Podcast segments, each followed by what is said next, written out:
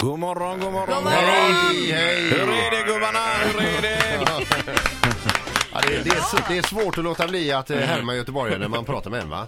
Jag blir så jävla glad. Min mamma är från Göteborg. Jag blir så himla, himla, himla glad när jag hör det. här. Hallå vännen, det finns frukost. Mm. Ja, Jag lille blir så- gubben, jag kom blir så in varm. nu. Ja. Hallå lille vännen, nu tar du på dig mössan du. Stå inte och göm dig ute i svalen utan kom in istället. Exakt, Och vi pratar Svalen. Vi om var det. de enda i hela Malmö som hade en svale, det kan jag ju säga. Ja, just det. Det är alltså Kristoffer Appelqvist detta vi pratar med.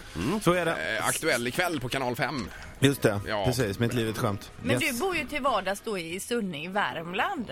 Ja, Har du så är liksom det. plockat på dig någon värmländska också då? Ja, men jag blir ju varm av dem också. Mina barn och min fru pratar ju värmländska, så det är ju, det är ju samma där. Man blir Ja. glad.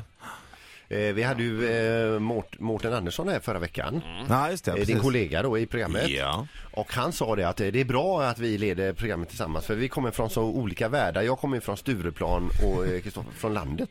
Precis. Ja. Ja. Det blir så som är en det. eh, kulturkrock där på något vis då.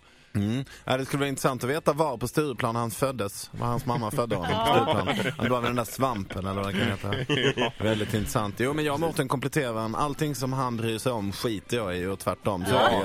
Gud vad härligt. Och, och det är bland annat därför jag älskar honom. För jag behöver bara ringa till honom och säga så här, ah, hur är det? Ska, man, ska det vara utsvängda brallor nu eller vad är det liksom? Så kollar man det med honom.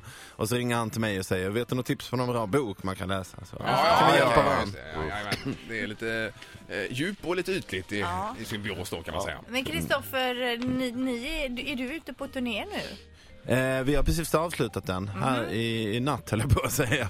Eh, Truthful Tourettes. Men eh, vi avslutade på Kinateatern igår kväll. Mm. Eh, så vi har varit ute, det var min trettonde hotellnatt på raken på ett nytt hotell. Så jag Ja. vet Oj, inte oj, oj. riktigt vad det är kan jag säga. Nej. Men du be- beskriver ju hur skönt det är att kunna leva på det här som du gör.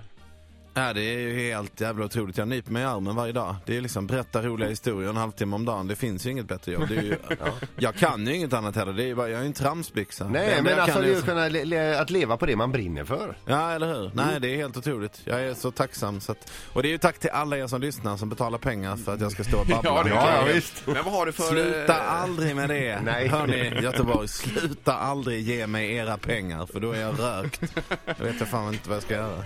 Men, men, men vad kör du för tema? Är det nyhetsflödet eller är det, eh, öser du dig själv så att Ja, säga? det är precis som vi har snackat med alla adepterna om i, i våra tv-program så är, handlar det om att gräva för sig själv. Ja. Man ska bara prata om sånt som man bryr sig om. Ofta är det ju det, sig själv, alltså det man, se- m- vardagen man möter och så. Eller kanske hur man hade det när man var liten eller så. Det handlar ju väldigt mycket om det. Just det. Man har materialet inom sig ofta. Det är ju det som är spännande att lyssna på. Och det är det som blir det roligaste. Men jag Ja, det tänker är det som då, betyder mest. Ja. du, du säger att du är glad att hålla på med det här, du kan inget annat. Men har du haft något annat vanligt jobb? Ja, oh ja, det är klart. Annars hade jag nog inte varit så tacksam. Jag har jobbat med lite allt möjligt, men jag har framförallt jobbat som ljustekniker Ja. på, eh, på olika teatrar. Och Det handlar eh, väldigt mycket om att bära och klättra och koppla in grejer mitt i natten när det inte är några skådespelare på teatern. Mm. Ja. Göra grovjobbet där. Alltså. Jag och Ingmar vet du, vi har kört truck på Volvo och Linda hon har bryggt kaffe. Ja, nej, det är häftigt. Ja, du har ju Det- varit bartender också Linda.